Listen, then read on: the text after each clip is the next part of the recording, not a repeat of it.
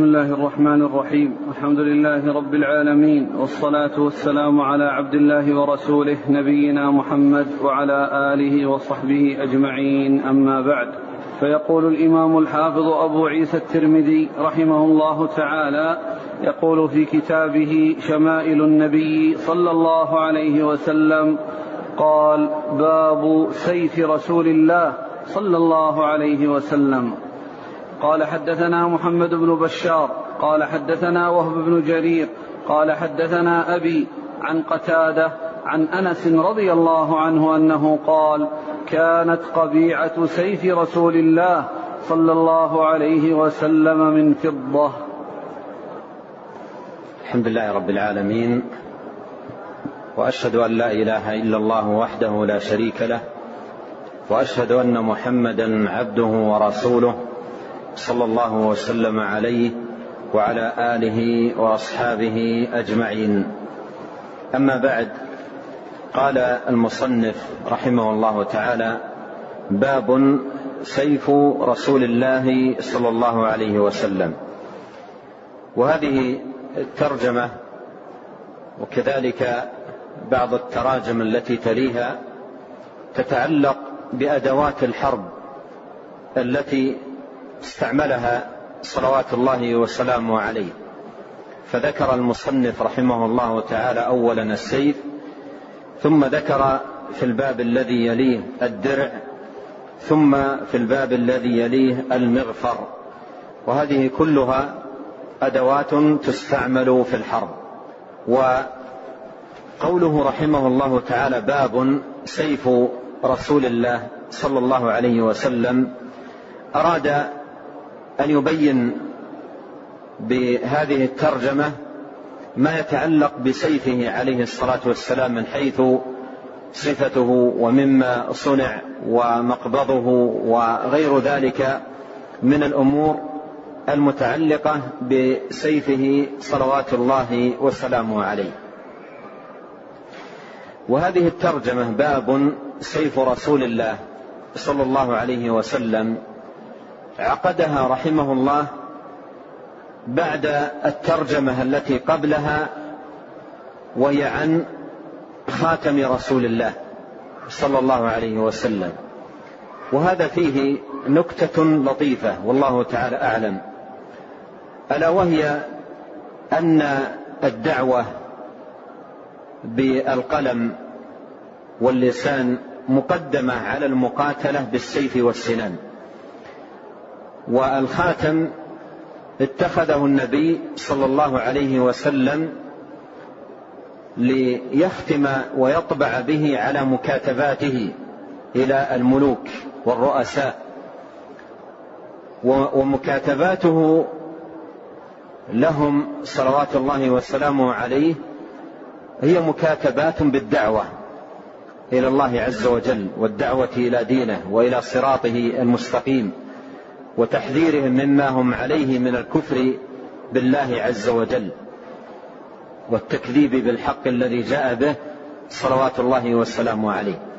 فقدم اولا ذكر الخاتم. قدم اولا ذكر الخاتم ثم بعد ذلك آه، ذكر ما يتعلق بالسيف. والدعوة بالقلم واللسان مقدمة. الدعوة بالقلم واللسان مقدمة كتابة وبيانا وإيضاحا ونصحا وتوجيها ووعظا هذا مقدم. ثم تأتي المرحلة الثانية مرحلة السيف والسنان. قال باب سيف رسول الله. سيف هنا مفرد مضاف والقاعدة أن المفرد إذا أضيف يعم. والنبي عليه الصلاة والسلام كان له كما ذكر أهل العلم أكثر من سيف. بل أوصلها بعض أهل العلم إلى تسعة سيوف له صلوات الله وسلامه عليه. قد تكون اجتمعت عنده أو تكون آه، ملكها في أوقات واستعملها عليه الصلاة والسلام في أوقات متفاوتة. وقد ذكر ابن القيم رحمه الله تعالى في كتابه زاد المعاد أسماء سيوف النبي صلى الله عليه وسلم وجمعها بعض أهل العلم في بيتين من الشعر قال فيهما لهادينا أي لنبينا عليه الصلاة والسلام لهادينا من الأسياف تسع. لهادينا من الأسياف تسع. رسوب والمخذم ذو الغفار ذو الفقار. رسوب والمخذم ذو الفقار قضيب حتف والبتار عضب وقلعي ومأثور الفخار أو الفجار. فهذه أسماء تسعة لسيوف النبي صلوات الله وسلامه عليه جمعت في هذين آه، البيتين. أورد رحمه الله تعالى أول ما أورد في هذه الترجمة حديث أنس بن مالك رضي الله عنه قال كانت قبيعة سيف رسول الله صلى الله عليه وسلم من فضة. كانت قبيعة سيف رسول الله صلى الله عليه وسلم من فضة. والقبيعة ما على طرف مقبض السيف. مقبض السيف الذي تمسك أو الموضع الذي يمسك باليد من السيف. فما على طرف مقبض السيف الذي يعتمد عليها الكف لئلا ينزلق يقال لها قبيعة. يقال لها قبيعة. الموضع الذي يحمي اليد من أن تنزلق. الموضع الذي عند المقبض مقبض السيف الذي يحمي اليد من أن تنزلق. يسمى قبيعة. قال كانت قبيعة سيف رسول الله صلى الله عليه وسلم من فضة. أي أنها كانت مصنوعة من فضة. وهذا الحديث إذا إذا ثبت يدل على الرخصة في تحلية السيف ونحوه من أدوات الحرب بالفضة. وسند هذا الحديث فيه والد جرير والد وهب فيه والد وهب وهو جرير بن حازم الأزدي. جرير بن حازم الأزدي وهو ثقة. لكن في حديثه عن قتادة ضعف. وهذا من حديثه عن قتادة. نعم. قال حدثنا محمد بن بشار قال حدثنا معاذ بن هشام قال حدثني أبي عن قتادة عن سعيد بن أبي الحسن قال كانت قبيعة سيف رسول الله صلى الله عليه وسلم من فضة. ثم أورد رحمه الله تعالى عن قتادة عن سعيد بن أبي الحسن. سعيد بن أبي الحسن البصري وهو أخو الحسن البصري الإمام المعروف. وقوله كانت وقوله عن عن سعيد بن أبي الحسن قال كانت هذا مرسل.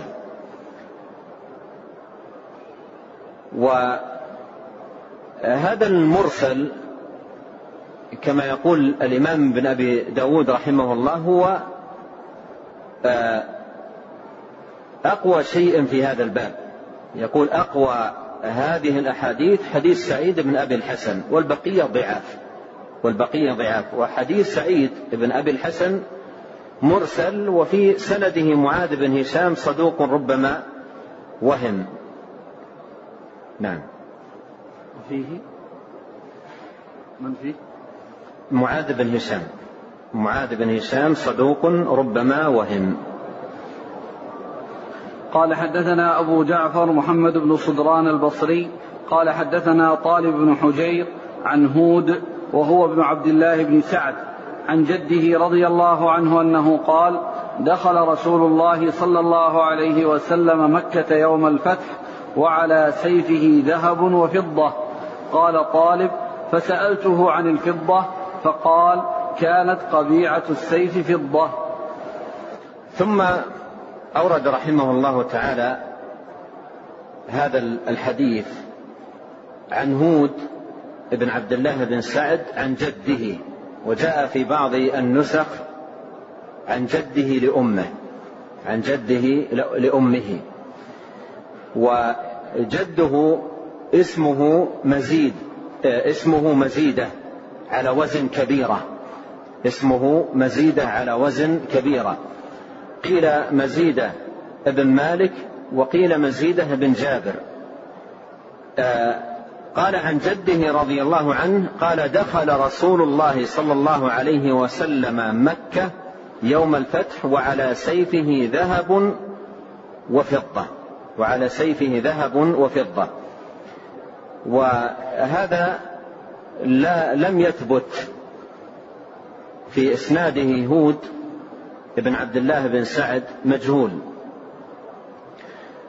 فهو إسناد غير ثابت ولهذا قال الذهبي رحمه الله في الميزان وهذا منكر فما علمنا في قبيعته شيئا فما علمنا في قبيعته أي قبيعة سيف الرسول صلى الله عليه وسلم شيئا.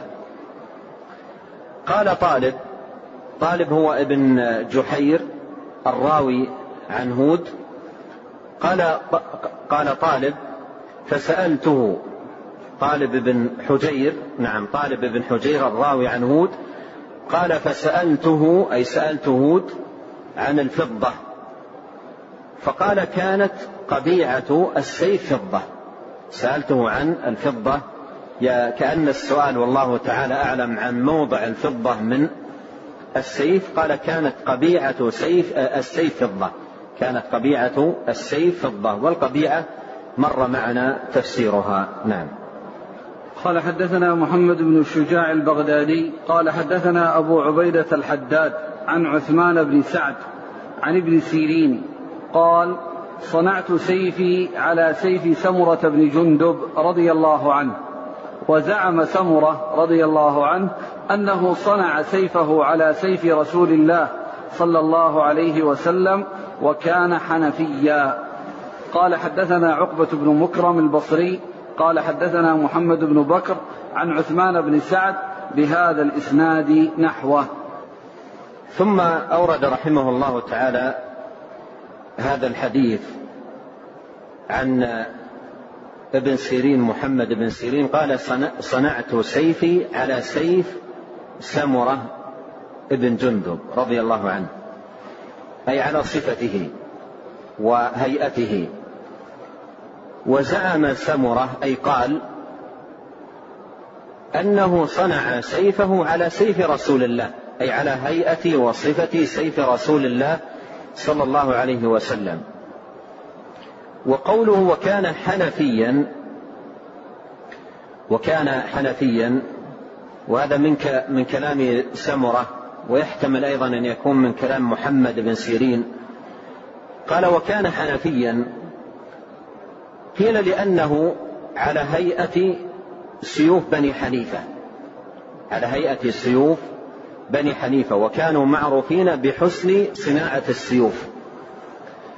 فقوله وكان حنفيا إما أن يكون مراد على هيئة سيوفهم أو صنعه آه، صنعه رجل من بني حنيفة. فهذا معنى قوله وكان حنفيا أي السيف. نعم. نعم. الإسناد ضعيف. إسناد هذا الحديث ضعيف لأن فيه عثمان بن سعد وهو الكاتب آه، ضعيف. فسند هذا الحديث ضعيف. نعم. قال رحمه الله تعالى باب ما جاء في درع رسول الله صلى الله عليه وسلم.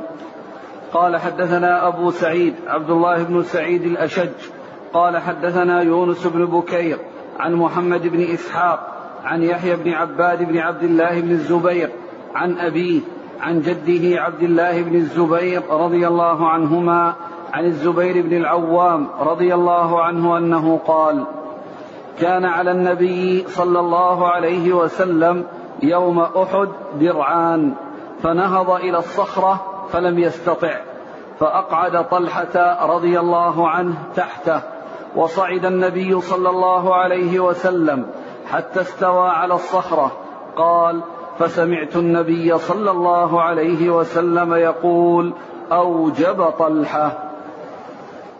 ثم قال رحمه الله تعالى باب ما جاء في درع رسول الله صلى الله عليه وسلم.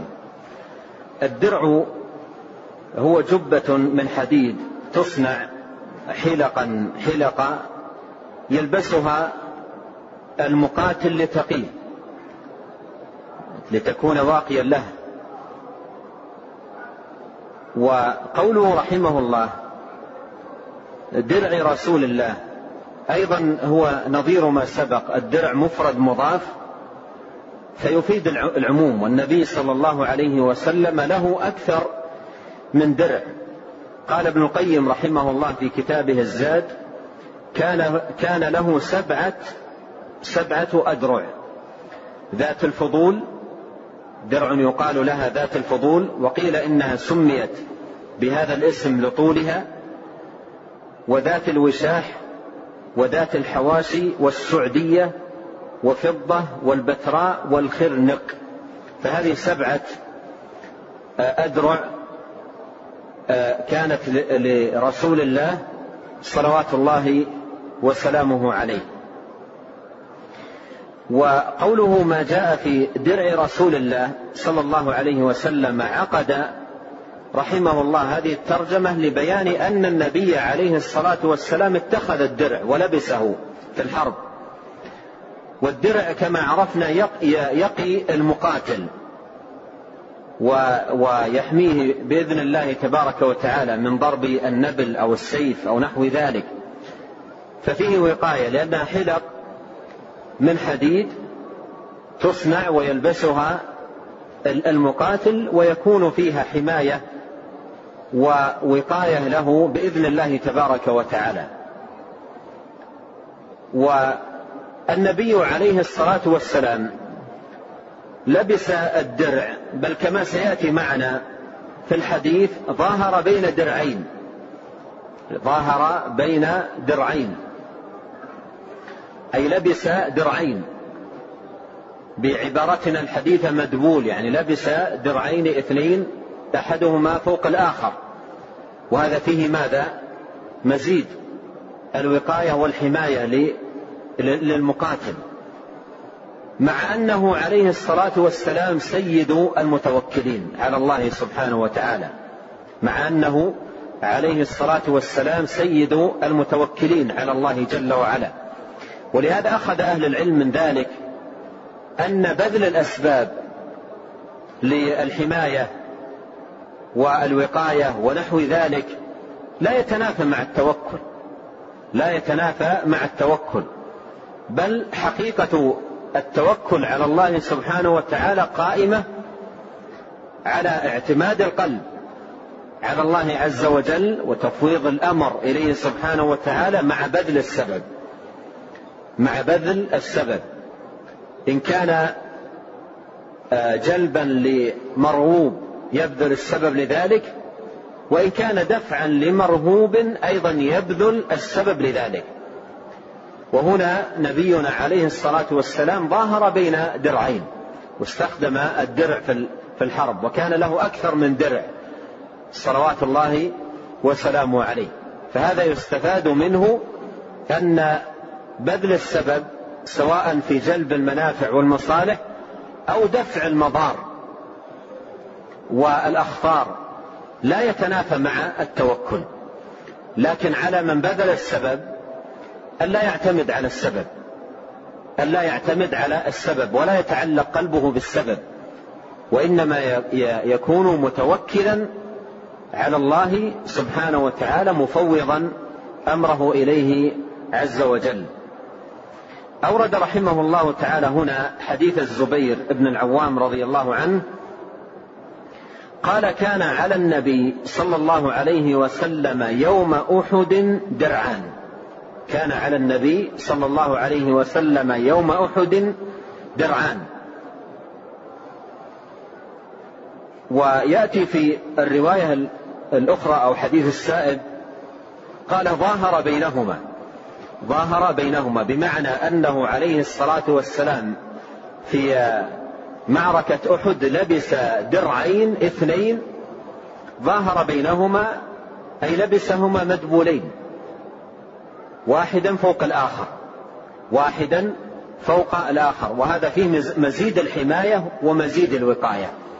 وفعل ذلك عليه الصلاة والسلام مع أنه إمام المتوكلين. فيستفاد من ذلك كما قدمت أن بذل السبب سواء في جلب المنافع أو في دفع المضار لا يتنافى مع التوكل على الله سبحانه وتعالى.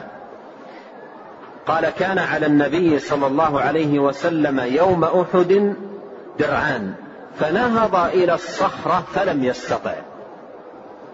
فنهض إلى الصخرة فلم يستطع. قد يكون عدم استطاعته عليه الصلاة والسلام للنهوض على الصخره لعلوها وارتفاعها وقد يكون أيضا لثقل الدرعين اللتين كانت عليه قد يكون بسبب الإصابة التي أصابته عليه الصلاة والسلام في معركة أحد كل ذلك محتمل. قال فلم يستطع فأقعد طلحة فأقعد طلحة تحته. أي طلب من طلحة رضي الله عنه أن يقعد تحته ليرقى عليه وليكون رضي الله عنه مثل السلم. ينهض عليه النبي صلى الله عليه وسلم ليتمكن من الصعود على الصخرة. قال فأقعد طلحة تحته. والحكمة من هذا النهوض والصعود فوق الصخرة من أجل أن يراه المسلمون عليه الصلاة والسلام. من أجل أن يراه المسلمون عليه الصلاة والسلام ويطمئنوا على حياته وأنه عليه الصلاة والسلام حي لم يمت. فيفرح المسلمون بذلك ويسر برؤيته عليه الصلاة والسلام حيا. فنهوض على الصخرة من أجل أن يراه. البعيد والقريب. من أجل أن يراه البعيد والقريب فيفرح المؤمنون ويسروا بذلك.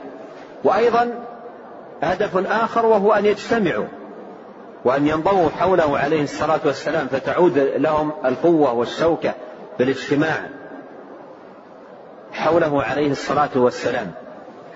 قال فنهض إلى الصخرة فلم يستطع. فأقعد طلحة تحته وصعد النبي صلى الله عليه وسلم أي على طلحة. رقى عليه الصلاة والسلام على طلحة ثم على الصخرة حتى استوى على الصخرة. حتى استوى على الصخرة. ومعنى استوى أي على وارتفع. معنى استوى على الصخرة أي على وارتفع عليها. لأن هذا هو معنى الاستواء في لغة العرب. استوى معناها على وارتفع. وعندما نتلو قول الله عز وجل في القرآن ثم استوى على العرش الرحمن على العرش استوى معناها على وارتفع. هذا هو معناها في اللغة. لا معنى لها غيره ولهذا أجمع أئمة السلف رحمهم الله تعالى على أن معنى قول قوله تعالى ثم استوى على العرش أي على وارتفع عليه سبحانه وتعالى علوا يليق بجلاله وكماله. قال حتى استوى على الصخرة قال فسمعت قائل ذلك هو الزبير رضي الله عنه فسمعت النبي صلى الله عليه وسلم يقول أوجب طلحة. ومعنى أوجب أي وجبت له الجنة. وطلحة وكذلك الزبير الراوي للقصة كل منهم من العشرة. المبشرين بالجنة الذين بشرهم صلوات الله وسلامه عليه بالجنة. ومع أن في الصحابة آخرين بشروا بالجنة إلا أن هؤلاء العشرة المبشرين بالجنة بشروا بذلك أو بشرهم النبي صلى الله عليه وسلم بذلك في مجلس واحد. في مجلس واحد عدهم واحدا واحدا صلوات الله وسلامه عليه في مجلس واحد مبشرا لهم بالجنة. آه، قال فسمعت النبي صلى الله عليه وسلم يقول أوجب طلحة أي وجبت له الجنة. في إسناد هذا الحديث محمد بن إسحاق وهو مدلس وقد عنعن لكنه جاء آه، الحديث في سنن آه، أبي داود وفيه تصريح محمد بن إسحاق بالسماع نعم. قال حدثنا محمد بن أبي عمر. قال حدثنا سفيان بن عيينة عن يزيد بن خصيفة عن السائب بن يزيد رضي الله عنه أن رسول الله صلى الله عليه وعلى آله وسلم كان عليه يوم أحد درعان قد ظاهر بينهما. ثم أورد رحمه الله تعالى حديث السائب ابن يزيد رضي الله عنه أن رسول الله صلى الله عليه وسلم كان عليه يوم أحد درعان. قد ظاهر بينهما. قد ظاهر بينهما. وهذا بمعنى ما جاء في الحديث حديث الزبير بن العوام رضي الله عنه أن النبي صلى الله عليه وسلم كان عليه يوم أحد درعان قال السائب كان عليه يوم أحد درعان قد ظاهر بينهما. السائب ابن يزيد رضي الله عنه وأرضاه صحابي صغير. حج به حج به في حجة الوداع وهو ابن سبع سنين. حج به في حجة الوداع وهو ابن سبع سنين. فقوله كان عليه يوم أحد هذا مرسل صحابي. قوله كان عليه يوم أحد هذا مرسل صحابي لأن السائب آه، في في ذلك الوقت صغير السن جدا يمكن أربع سنوات أو ثلاث سنوات. وقد جاء الحديث في سنن أبي داود عن السائب ابن يزيد عن رجل قد سماه. عن السائب ابن يزيد عن رجل قد سماه أي من أصحاب النبي عليه الصلاة والسلام. والسائب ابن يزيد رضي الله عنه هو من آخر أصحاب النبي صلى الله عليه وسلم موتا في المدينة. حيث مات رضي الله عنه عام واحد وتسعين للهجرة. وآخر من مات من أصحاب النبي صلوات الله وسلامه عليه بالمدينة. نعم. قال رحمه الله تعالى باب ما جاء في مغفر رسول الله صلى الله عليه وسلم. قال حدثنا قتيبة بن سعيد قال حدثنا مالك بن أنس عن ابن شهاب عن أنس بن مالك رضي الله عنه أن النبي صلى الله عليه وسلم دخل مكة وعليه مغفر فقيل له هذا ابن خطل متعلق بأستار الكعبة؟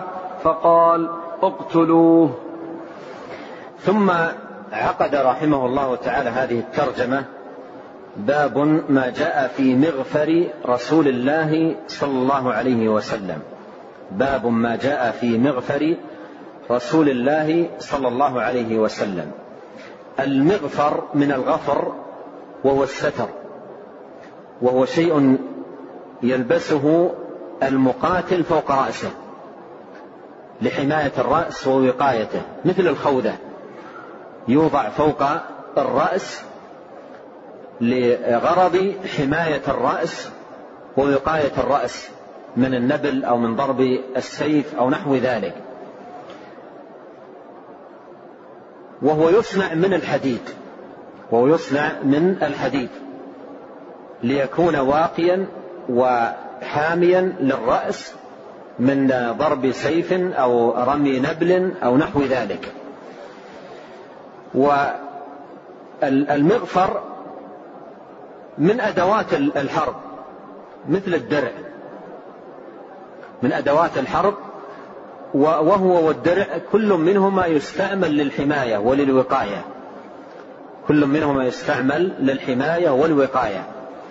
ونبينا عليه الصلاة والسلام لبس الدرع ولبس المغفر الذي يكون على الرأس وعرفنا فيما سبق أن ذلك لا يتنافى مع التوكل.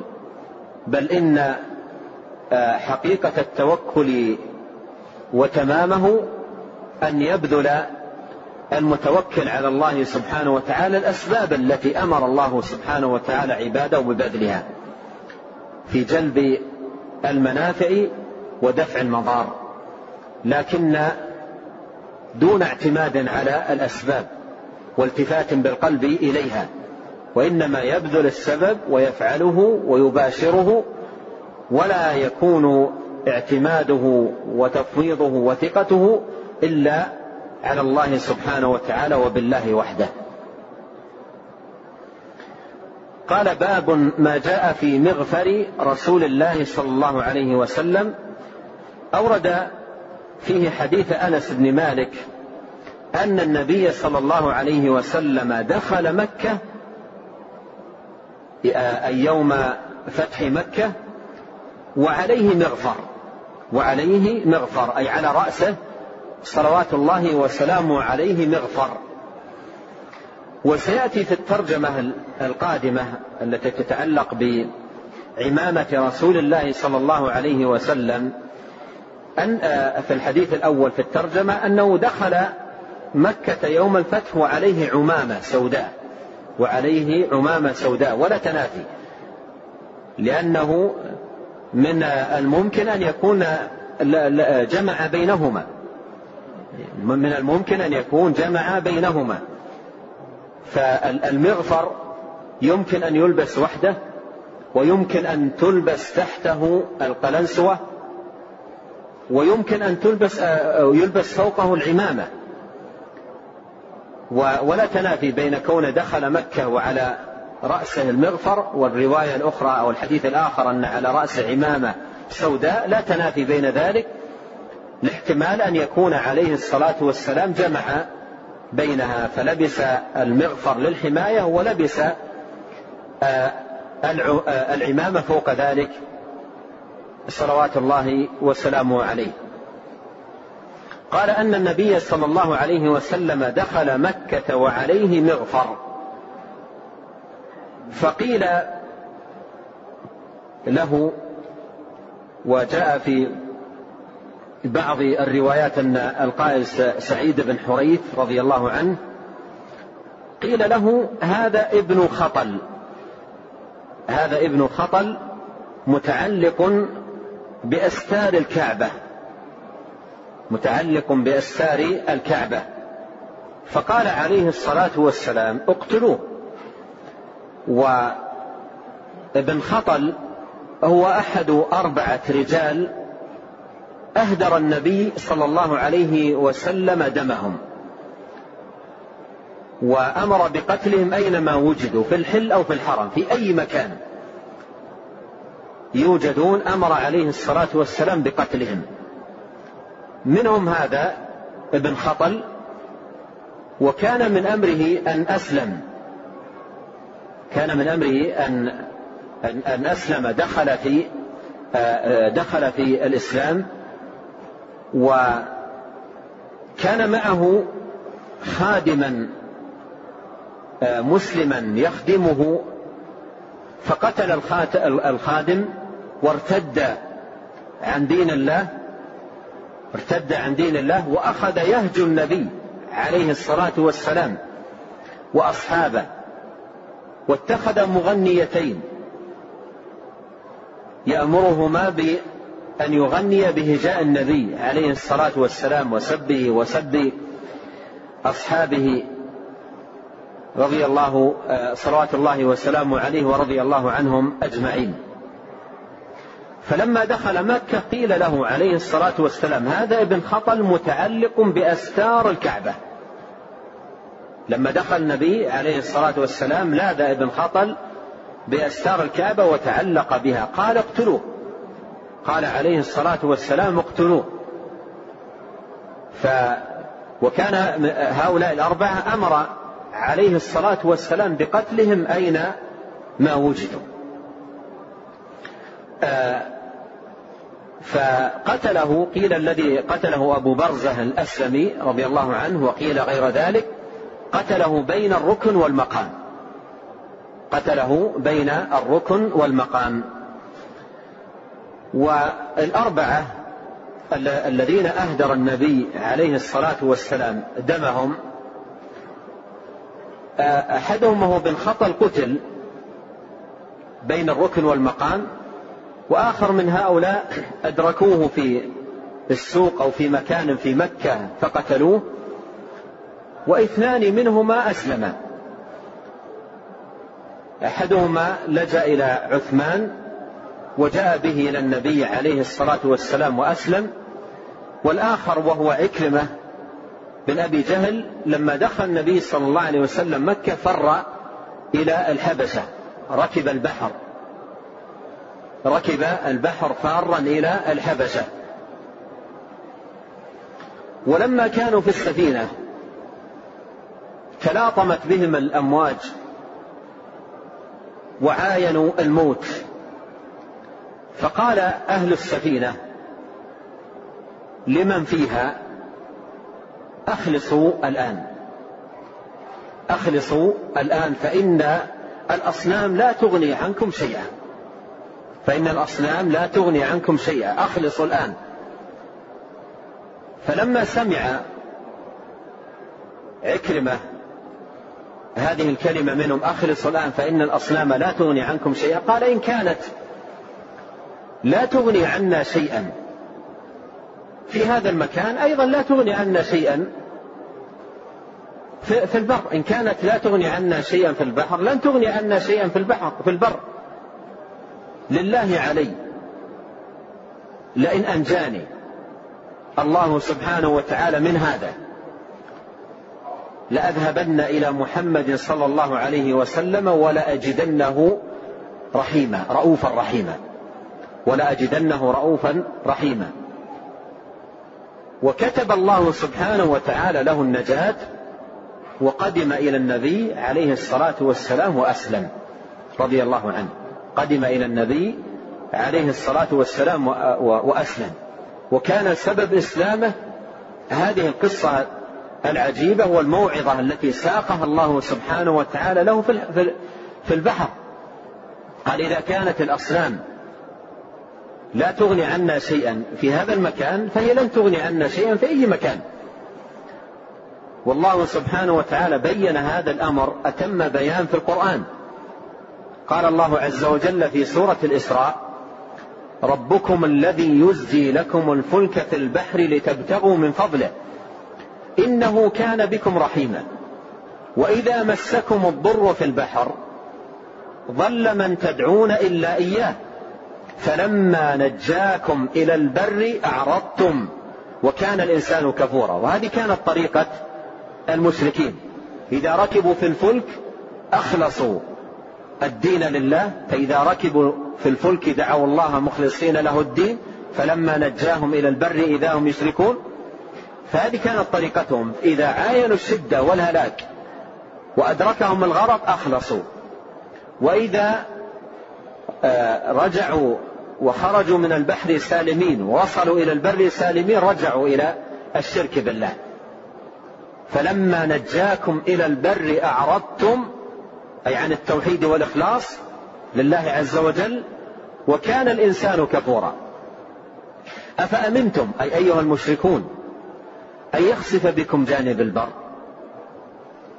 أو يرسل عليكم حاصبا أي وأنتم في البر ثم لا تجدوا لكم وكيلا؟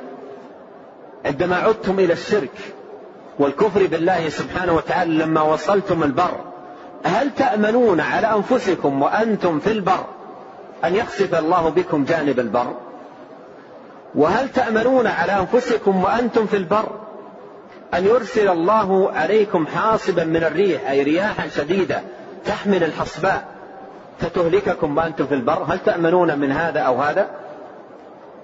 أمر ثالث أم أمنتم أن يعيدكم فيه أي في البحر تارة أخرى فيرسل عليكم قاصفا من الريح فيغرقكم بما كفرتم ثم لا تجدوا لكم علينا به تبيعا. أي أن الله سبحانه وتعالى قدير عليكم أينما كنتم. فإذا خرجتم في البحر من البحر سالمين قادر على إهلاككم في البر بأنواع من الهلكة. وقادر على أن يعيدكم في البحر تارة أخرى لغرض من الأغراض وحاجة من الحاجات ويغرقكم بما كفرتم. فهذه موقظة وموعظة بليغة كانت سبب هداية عكرمة رضي الله عنه ودخوله في الإسلام. ودخوله في الإسلام وكان سببا لهدايته. بينما والعياذ بالله بعض الناس الذين تعلقت قلوبهم بالأولياء والمقبورين. أصبحت هذه المسألة عندهم حتى في الشدة. الإشراك والتوجه للمقبورين بالنداء حتى في الشدة. ولهذا في في الغرق وعندما يشاهدون أو يعاينون الموت يهتفون بالمقبورين. أدركني يا فلان الحقني يا فلان أنا عائد بك يا فلان. وقد قرأت مرة في بعض حواشي التفسير أن جماعة كانوا في سفينة وتلاطمت بهم الأمواج وأدركهم الغرق فأخذ كل واحد منهم يهتف بشيخه كل منهم يهتف بشيخه. أدركني يا فلان الحقني يا فلان أنقذني يا فلان كل يهتف بشيخه. وكان معهم رجل مسن على التوحيد. فنظر وإذا كل من حوله لا يلجؤون إلى الله. ولا يعتصمون بالله ولا يدعون الله. فمد يديه وقال يا رب أغرق أغرق فما على السفينة من يعبدك؟ يا رب أغرق أغرق. فما على السفينة من يعبدك؟ يعني كل من على, من على السفينة ليس فيهم من يعبدك. وهذه المرحلة من الشرك لم يصل إليها المشركون الأول لأنهم كانوا في الشدة يخلصون وفي الرخاء يشركون. وهؤلاء جمعوا الشرك في الحالتين حال الرخاء وحال الشدة. فالشاهد أن هذه موعظة وموقظة للقلوب لمن أراد الله سبحانه وتعالى هدايته وكانت سببا لهداية هذا الرجل الذي أوغل قبل إسلامه في المعاداة للإسلام والمسلمين إلى أن أهدر النبي عليه الصلاة والسلام دمه. فكان رابع أربعة أهدر النبي عليه الصلاة والسلام دمهم. لكن كتب الله سبحانه وتعالى له الهداية وهيأ له سبحانه وتعالى هذا السبب العظيم الذي آه، آه، كان آه، سببا لهدايته رضي الله عنه وأرضاه. الشاهد من الحديث لبس النبي صلى الله عليه وسلم للمغفر والمغفر عرفنا معناه وهو ما يلبس فوق الرأس ويصنع من الحديد لحماية الرأس ووقايته. نعم. قال حدثنا عيسى بن أحمد قال حدثنا عبد الله بن وهب قال حدثني مالك بن أنس عن ابن شهاب عن أنس بن مالك رضي الله عنه أن رسول الله صلى الله عليه وسلم دخل مكة عام الفتح وعلى رأسه المغفر. قال فلما نزعه جاءه رجل فقال له ابن خطل متعلق بأستار الكعبة. فقال اقتلوه. قال ابن شهاب وبلغني أن رسول الله صلى الله عليه وسلم لم يكن يومئذ محرما. ثم آه، ختم ب آه، فيما يتعلق بالمغفر بهذا الحديث حديث أنس ابن مالك. أورده من طريق أخرى أن رسول الله صلى الله عليه وسلم دخل مكة عام الفتح أي عام فتح مكة وعلى رأسه المغفر.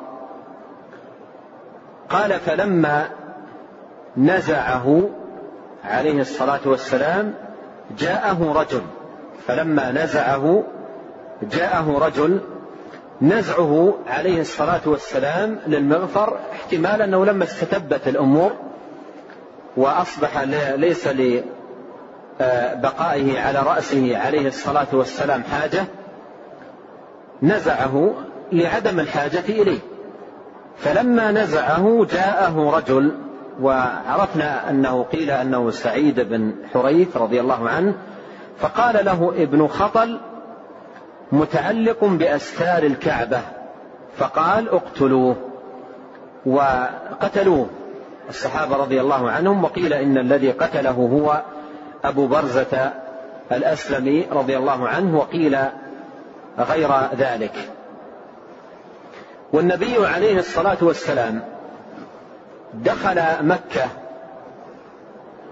وهو البلد الذي ولد فيه عليه الصلاة والسلام ونشأ فيه وبدأ دعوته صلى الله عليه وسلم فيه وأوذي فيه أذى عظيما. أوذي فيه أذى عظيما بأشد أنواع الأذى صلوات الله وسلامه عليه. إلى أن أخرجه قومه صلى الله عليه وسلم وآذوه أذى شديدا صلوات الله والسلام عليه فخرج عليه الصلاة والسلام من مكة في آخر الأمر مهاجرا إلى المدينة. دخوله مكة دخول فاتح في بلد كم أوذي فيه صلوات الله وسلامه عليه. ولكنه دخل عليه الصلاة والسلام متواضعا مطأطئا رأسه عليه الصلاة والسلام منكسرا خاشعا خاضعا لله سبحانه وتعالى.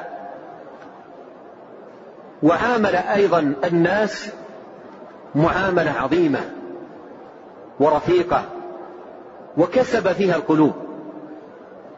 وجاءت منه كلمات صلوات الله وسلامه عليه مؤثرة جدا وكانت سبب هداية بعض هؤلاء الذين قالها عليه الصلاة والسلام فيهم. مثل قوله عليه الصلاة والسلام من دخل دار أبي سفيان فهو آمن. هذه كلمة عظيمة جدا. ولها أثرها البالغ. أبو بكر رضي الله عنه ذهب وجاء بوالده أبي قحافة وكان وقتها لم يسلم. فجاء به إلى النبي عليه الصلاة والسلام. وكان شعره كأنه ثغامة كله بياض. وجهه ولحيته ورأسه. فقال له النبي عليه الصلاة والسلام لماذا جعلت هذا الشيخ يأتينا؟ ألا أخبرتني أنا الذي آتي؟ ألا أخبرتني أنا الذي آتي؟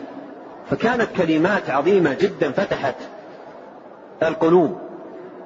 ودخل الناس في دين الله أفواجا.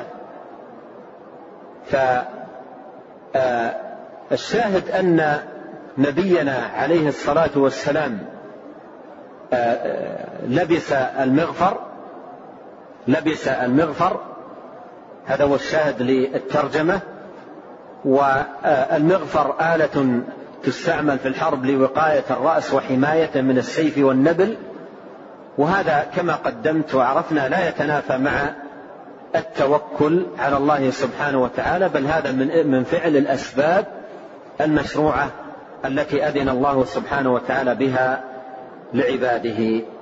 آه هذه التراجم الثلاث كلها تتعلق بآلات الحرب بدأ بالسيف أولا ثم الدرع ثم المغفر السيف يستعمل للمقاتلة والدرع والمغفر يستعملان للوقاية والحماية.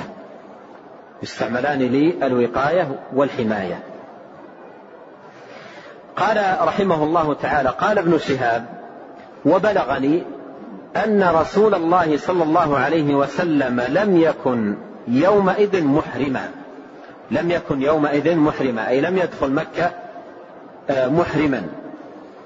ومما يشهد لذلك ما يأتي في الترجمة القادمة من حديث جابر رضي الله عنه دخل النبي صلى الله عليه وسلم مكة يوم الفتح وعليه عمامة سوداء وعليه عمامة سوداء.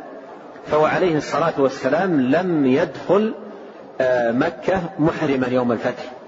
وهذا يستفاد منه أن آه، أن من أراد دخول مكة لغرض أو لحاجة وليس من نيته أن يحرم فلا يلبس الإحرام. وإنما لبس الإحرام هو في حق من أراد أن يدخل مكة حاجا أو معتمرا. فلا يجوز له أن يدخلها إلا محرما. أما إذا كان له غرض في في مكة وحاجة وليس عنده نية أن يعتمر فيدخلها بثيابه مثل ما دخل النبي عليه الصلاة والسلام مكة يوم الفتح وعليه عمامة سوداء صلوات الله وسلامه وبركاته عليه. والله تعالى أعلم. وصلى الله وسلم وبارك وأنعم على عبده ورسوله نبينا محمد وآله وصحبه أجمعين. جزاكم الله خيرا وبارك الله فيكم. ألهمكم الله الصواب ووفقكم للحق. نفعنا الله ما سمعنا وغفر الله لنا ولكم وللمسلمين أجمعين. آمين. هنا شيخ عبد الرحمن فيها تنبيه من الأخوان الذي ليس عنده كتاب الشمائل ويرغب أن يأخذ نسخة من كتاب الشمائل فعليه أن يذهب إلى مكتب التوعية الذي بباب رقم سبعة. مكتب التوعية الذي بباب رقم سبعة الواقع على مدخل الساحات الغربية. على مدخل الساحات الغربية في هذه الجهة جوار الشرطة. والتوزيع من الساعة الخامسة عصرا إلى أذان المغرب. توزيع من من الساعة الخامسة عصرا إلى أذان المغرب. أعيد مرة ثانية المكان. باب رقم سبعة الواقع على مدخل الساحات الغربية جوار الشرطة والتوزيع من الساعة الخامسة عصرا إلى أذان المغرب. يقول الأخ السائل هل الدرعان هما من الأمام كلاهما كليهما أو أحدهما من الأمام والآخر من الخلف. الذي يظهر أن كلاهما من الأمام ومن الخلف. ظاهر بينهما يعني جعل درعا فوق درع. جعل درعا فوق درع. ولهذا الرواية الرواية الأخيرة في في الترجمة مفسرة لما قبلها. قد ظاهر بينهما أي جعل أحدهما فوق الآخر. جعل أحد الدرعين فوق الآخر ليس درع في جهة والآخر في جهة أخرى درع في الأمام ودرع في الخلف ليس كذلك. وإنما درعان ظهر بينهما وهذا فيه مزيد حماية.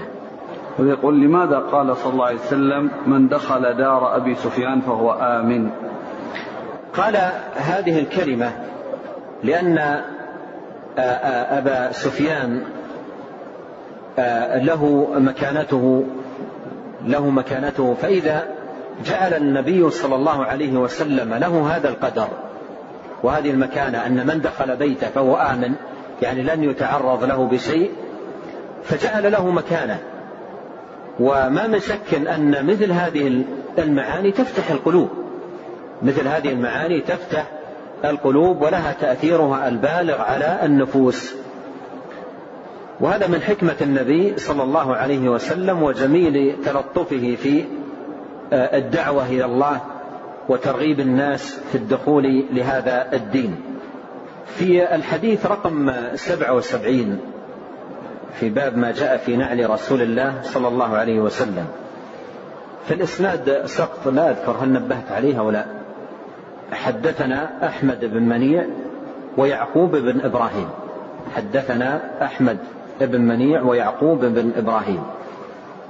وهذا موجود في بعض النسخ الخطية لشمائل النبي للترمذي وأيضا موجود في تحفة الأشراف للمزي في المجلد الأول صفحة 147 فيكون الإسناد حدثنا أحمد بن منيع ويعقوب بن, ابن, ابن إبراهيم. نعم. يقول هل ما يزيد عن خاتم واحد من الفضة للرجل يعتبر محرم عليه؟ آه هذه مسألة ذكرها العلم يعني هل للرجل أن يتخذ أكثر من من خاتم في هذه المسألة لأهل العلم فيها بحث يعني هل للرجل أن يتخذ أكثر من خاتم؟ خاتم خاتمين مثلا هل له ذلك؟ الذي ينظر في الأحاديث التي وردت في, في الباب والآثار أيضا التي وردت عن بعض الصحابة في لبس الخاتم ليس فيها آه، اتخاذ أكثر من خاتم وإنما هو خاتم واحد يكون في اليد. وإن كان اتخاذه لحاجة ليختم به فيحتاج أن يكون في يده. آه، وأحفظ شيء للخاتم وهو يعد آه، ضابطا للمواثيق وللكتابات فأحسن مكان لحفظه إصبع اليد. يعني لو كان في جيب الإنسان أو كان يفقد لكن في في في إصبع اليد هو أحسن مكان لحفظه. فإذا كان لحاجة فهو بهذه الصفة سنة. وإن كان لغير حاجة فهو في حدود المباح. نعم. يقول وهل هناك وزن ثابت يلتزم به؟ وزن الخاتم بعض أهل العلم قالوا لا يتجاوز المثقال. بعض أهل العلم قالوا لا يتجاوز المثقال وكأنه ورد فيه. نص لكن لا لا أذكر شيئا حول ثبوته أو درجته. لكن آه، البعد عن الإسراف مطلوب. وقد مر معنا قول النبي صلى الله عليه وسلم البس ما شئت من غير إسراف. فالبعد عن الإسراف مطلوب. نعم. تقدم معنا كان صلى الله عليه وسلم إذا استجد ثوبا أو عمامة يقول كذلك من اشترى حذاء جديدا. هل يقول دعاء لبس الجديد؟ الحديث جاء في ما يتعلق بالثوب جاء ما يتعلق إذا استجد ثوبا ولا يظهر الله تعالى أعلم مانع من أن يقول ذلك في لبسه للعمامة أو غيرها من اللباس الذي يحتاجه من نعل أو غيره. اللهم من يسألك خيره. وخير ما صنع له وأعوذ بك من شره وشر ما صنع له. نعم. يقول كيف نفهم تراجع النبي صلى الله عليه وسلم عن عن قتل عكرمة رضي الله عنه. آه النبي عليه الصلاة والسلام جاءه عكرمة تائبا مسلما نادما. ولهذا قبل النبي عليه الصلاة والسلام ندمه وتوبته. ولو أنه أدرك لو أنه أدرك قبل أن يأتي النبي صلى الله عليه وسلم فدمه هدر من رآه يقتله. لكنه جاء متسللا إلى أن لقي النبي عليه الصلاة والسلام. و و وقد قال وهو في السفينة لله علي إن نجاني الله لا أذهبن إلى محمد ولا أضعن يدي في يده ولأجدنه رؤوفا رحيما ووجده كما قال وهو عليه الصلاة والسلام رؤوف رحيم. والله سبحانه وتعالى قال عنه وما أرسلناك إلا رحمة للعالمين. وعكرمة جاء نادما تائبا معلنا إسلامه وتوبته فقبل منه صلوات الله وسلامه عليه ذلك. نعم. هل ثبت عن النبي صلى الله عليه وسلم أنه كان يلبس النعلين وهو جالس؟ آه عند الشروع في اللبس هذا المراد؟ يعني عندما يكون آه أراد أن يلبس يجلس ليلبس. هذا جاء فيه حديث لكن حمل أهل العلم على ما كان من الأحذية ما يتطلب جلوس. مثل يكون له آه، سير أو شيء يشده على قدمه فلو لبسه وهو قائم قد يسقط. فحمل حمل أهل العلم على ذلك. أما الحذاء الذي لا يتطلب ذلك فيلبسه عن قيام. نعم. السؤال الثاني يقول هل من أخلاق المسلمين ضرب النعلين على الأرض عند الخروج من المسجد؟ هذا السؤال صاحبه متأدي من هذه الطريقة. وضرب النعل في الأرض يعني إلقاؤه وطرحه طرحا في الأرض يكون منه أحيانا إحداث الصوت يزعج ويؤذي. وبعض الناس يطيب له أن يلقي حذاءه إلقاء يكون صوته أعلى. يطيب له ذلك ويحاول أن يرمي الحذاء بطريقة مثلا ماهرة بحيث يكون الصوت أعلى. وربما يعجبه ذلك. هذا ليس من من خلق المسلم. إيذاء الناس بالأصوات العالية و هذا ليس من خلق المسلم. وإذا كان في الحذاء مثلا غبار أو تراب أيضا إثارة ذلك مما يسبب الأذى. أيضا هذا ليس من خلق المسلم. لكن إذا كان قائما وطرحه طرحا خبيثا وكان يشق عليه أن ينزل بجسمه ليضع في الأرض فاقترب من الأرض وطرحه طرفا طرحا خفيفا فالذي يظهر الله تعالى أعلم أنه لا حرج في ذلك. لا حرج في ذلك.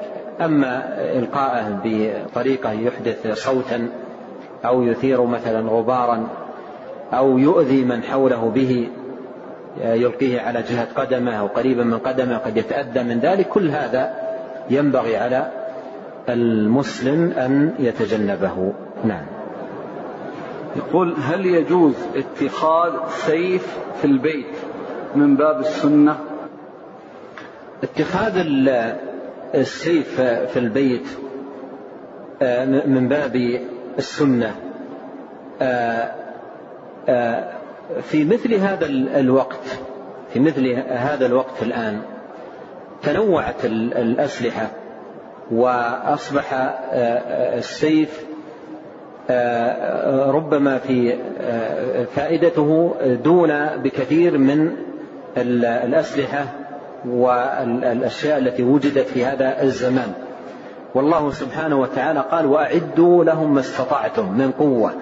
وأعدوا لهم ما استطعتم من قوة. فوجود السلاح الذي يكون به الحماية والوقاية والتصدي للأعداء حال تسلطهم عند عند الإنسان لا شك في فائدة ذلك. لكن إذا كان وجود هذه الأسلحة إذا كان وجود هذه الأسلحة بين أناس يضعونها في البيوت ويستعملونها استعمالات مصادمة لقواعد الشريعة ومخالفة لأحكام الله سبحانه وتعالى.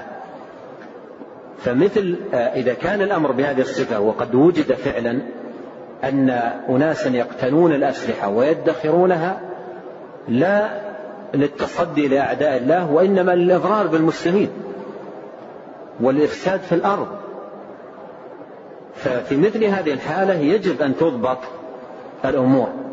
مثل هذه الحالة يجب أن تضبط الأمور ويكون وجود السلاح بضوابط بحيث يطمئن إلى من عنده السلاح يحسن استخدامه. أما لو كانت الأسلحة هذه بأيدي كل الناس ربما ترتب على ذلك شرور وأضرار وعواقب وخيمة لا يحمد الناس عقبها لا يحمد الناس عقبها ولهذا آه، ضبط الأمور ضبط الأمور حتى لا يحصل الفوضى والأضرار والإيذاء للآخرين لا شك أن هذا من المقاصد والأمور المطلوبة والله أعلم. جزاكم الله خيرا. سبحانك اللهم وبحمدك أشهد أن لا إله إلا أنت أستغفرك وأتوب إليك.